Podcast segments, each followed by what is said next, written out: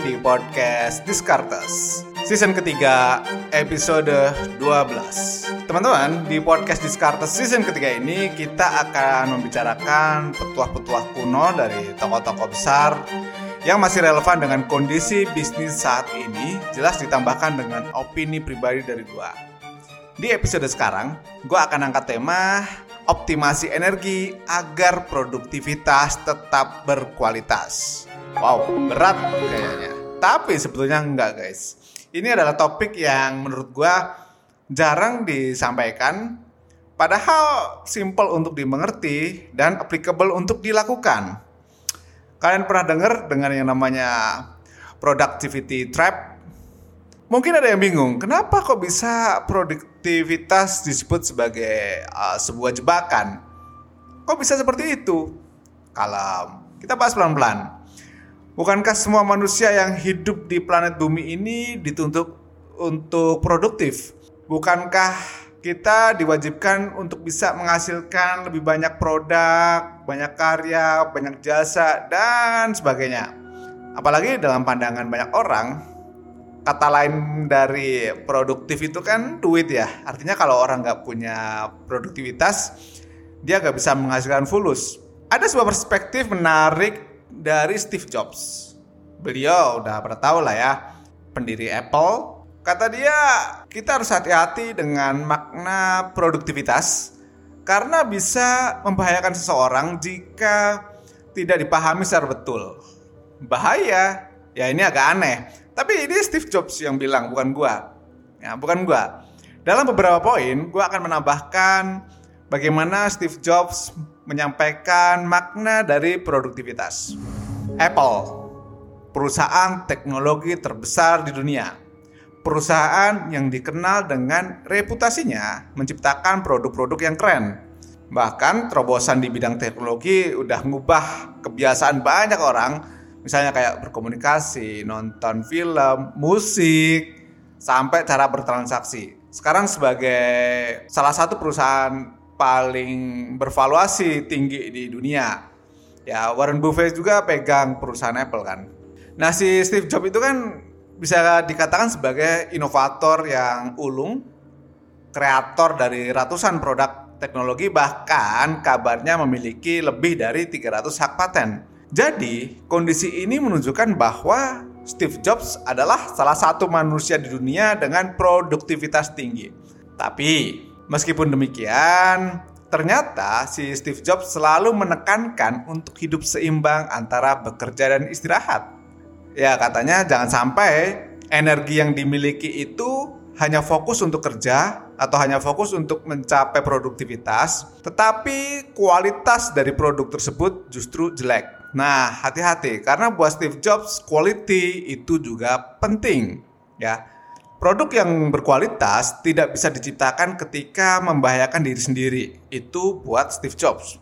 Makanya kehidupan buat dia itu sangat penting ya. Jadi produktivitas bukan berarti bekerja dengan tidak kenal waktu, enggak.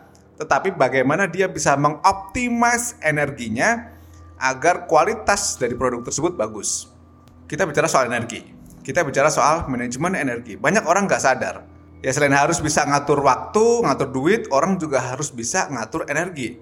Kenapa? Karena output yang dihasilkan akan berbeda antara orang yang cuma mengatur waktu untuk kerja terus untuk makan, untuk beraktivitas dibandingkan dengan orang yang selain mengatur waktu juga mengkalkulasi nih energinya. Orang yang cuma mengatur waktu mungkin cuma bisa misahin atau mengkategoris berdasarkan timeline dan waktu kerja gitu kan.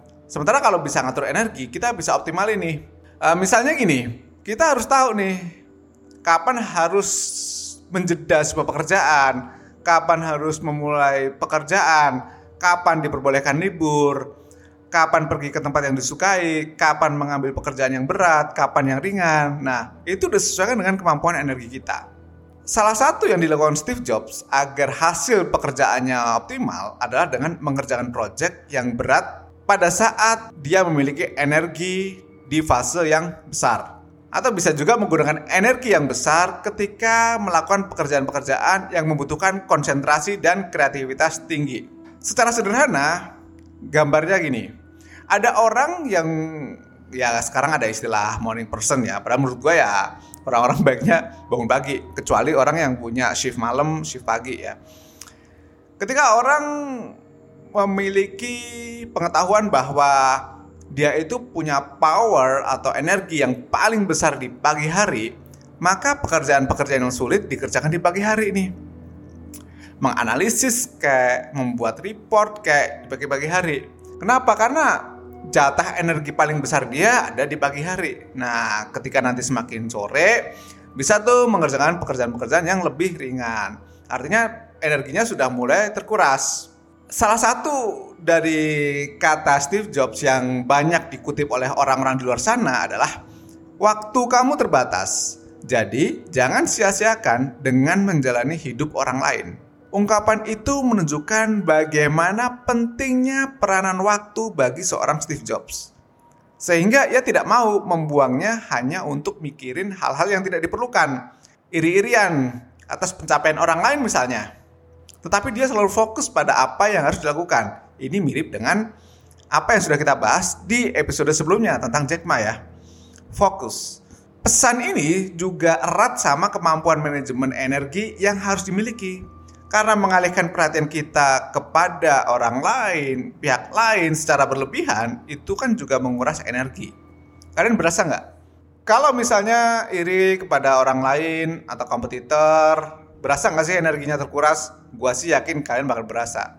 Bagi Steve Jobs, sumber daya yang paling berharga dalam hidupnya adalah waktu, ya. Dan semua orang yang bekerja di Apple paham pentingnya waktu. Jadi setiap orang yang ada di meeting atau di setiap pertemuan company memiliki tugas yang jelas. Jadi pernah ada sebuah cerita bahwa Steve Jobs mengusir seorang staff yang dianggap tidak perlu hadir, yang ngapain ada di sini.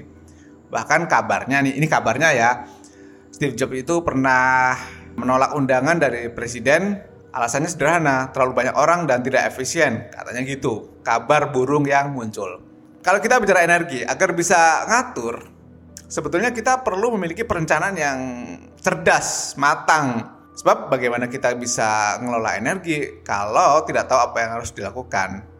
Ya selain planning, untuk bisa ngatur energi juga kita harus memikirkan beberapa variabel lainnya. Misalnya nih, yang pertama, find your peak performance.